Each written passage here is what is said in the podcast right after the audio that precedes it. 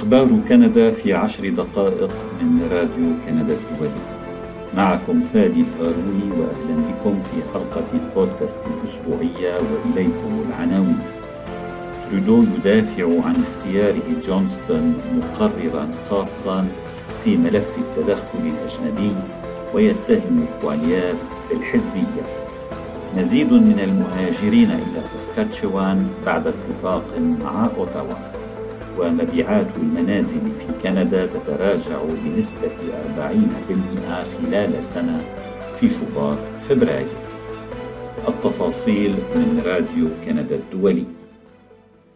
دافع رئيس الحكومة الكندية جوستن ترودو بقوة عن اختياره حاكم كندا العام الأسبق ديفيد جونستون مقررا خاصا مستقلا مكلفا بتحديد ما إذا كان ينبغي إنشاء لجنة تحقيق للنظر في مزاعم التدخل الأجنبي في حملتي الانتخابات الفيدرالية العامة الأخيرتين.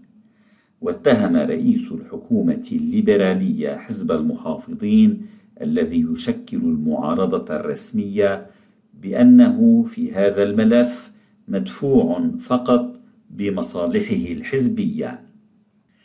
نزاهة هذا الرجل فوق كل شك قال ترودو عن جونستون خلال مؤتمر صحفي اليوم في مدينة غويلف في أونتاريو مضيفا أن حزب المحافظين يظهر بوضوح أنه ليس مهتما بالدفاع عن مؤسساتنا ولا بمصلحة الكنديين أو بمخاوفهم ولا بالوقائع وما حدث بالفعل.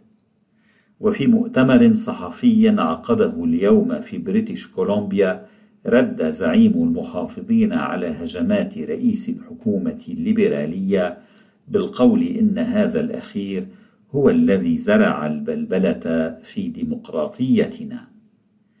إنه على علم بهذا الأمر منذ عام 2017 على الأقل.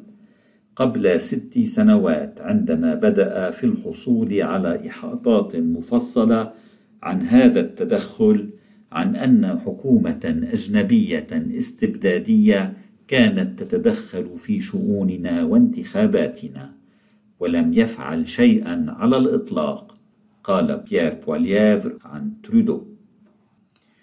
ودعا زعيم المحافظين مرة أخرى رئيس الحكومة إلى إجراء تحقيق عام ومستقل لتوضيح القضايا التي أثارتها مزاعم التدخل الصيني في الانتخابات الفيدرالية عامي 2019 و2021 وكان حزب المحافظين وحزب الكتلة الكيبيكية قد شككا أمس في مصداقية جونستون كمقرر خاص مستقل كما ألقى بوالياف باللوم على المقرر الخاص الجديد لكونه عضوا في مؤسسة بيير إليوت ترودو التي تمولها بكين على حد قوله. وتحمل هذه المؤسسة اسم رئيس الحكومة الكندية الراحل والد رئيس الحكومة الحالي. وكانت كافة أحزاب المعارضة قد طالبت أوائل الشهر الحالي حكومة ترودو بتشكيل لجنة تحقيق عامة ومستقلة للنظر في مزاعم التدخل في الانتخابات الفيدرالية. يمكنك الاشتراك في أخبار كندا باستخدام التطبيق الذي تختاره أو عن طريق زيارة موقعنا على الإنترنت radio-canada.ca/rci.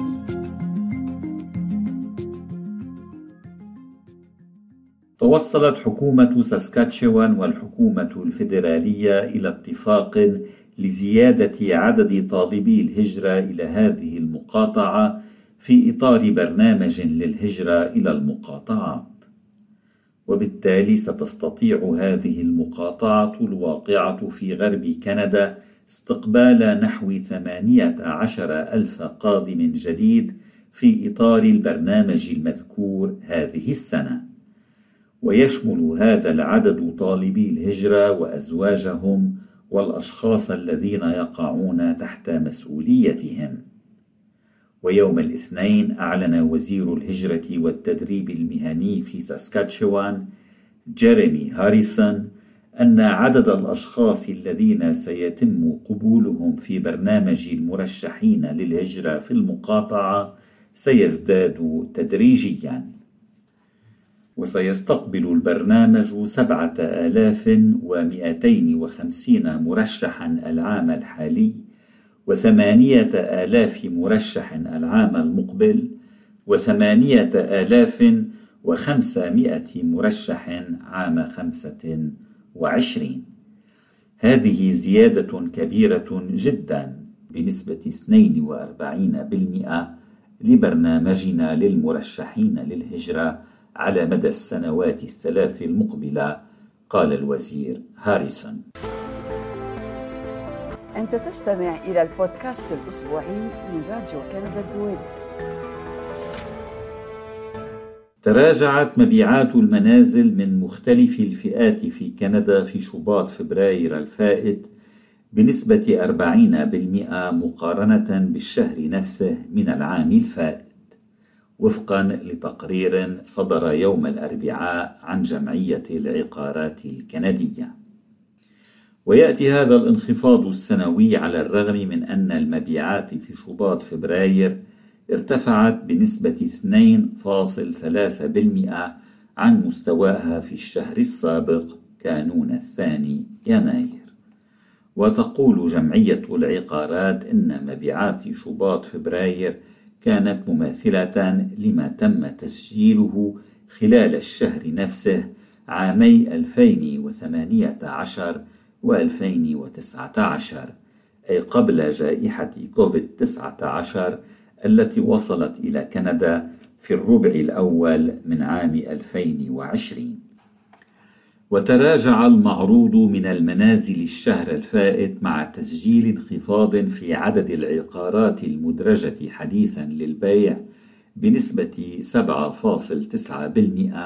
عن مستواها في كانون الثاني يناير.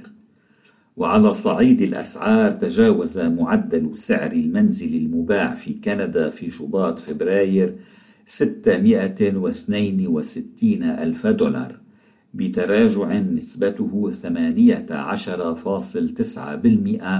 عن مستواه في الشهر نفسه من العام الفائت ولكن بزيادة نحو 50 ألف دولار عن مستواه في الشهر السابق كانون الثاني يناير.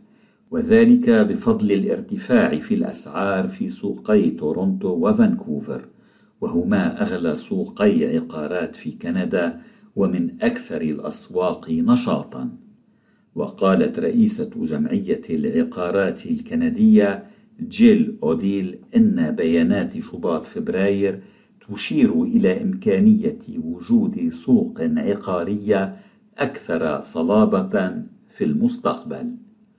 يشار إلى أن مبيعات المنازل في كانون الثاني يناير الفائت كانت الأدنى في كندا لأول شهر من السنة منذ عام 2009 تقوم الحكومة الفيدرالية بتعزيز وسائل وكالة النقل الكندية للتعامل مع شكاوى الركاب بعد مواسم الازدحام في المطارات الكندية الرئيسية.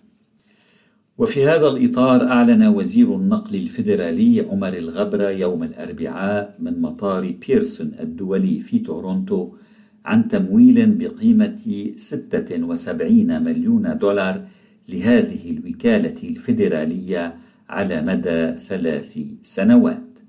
ويتيح هذا المبلغ توظيف 200 شخص إضافي ستوكل إليهم مهمة معالجة الشكاوى المتراكمة المقدمة ضد شركات الطيران وأضاف الوزير الغبرة أن هناك 42 ألف شكوى متراكمة أكثر من 13 ألفا منها تم إيداعها بين الأول من كانون الأول ديسمبر والسادس من آذار مارس.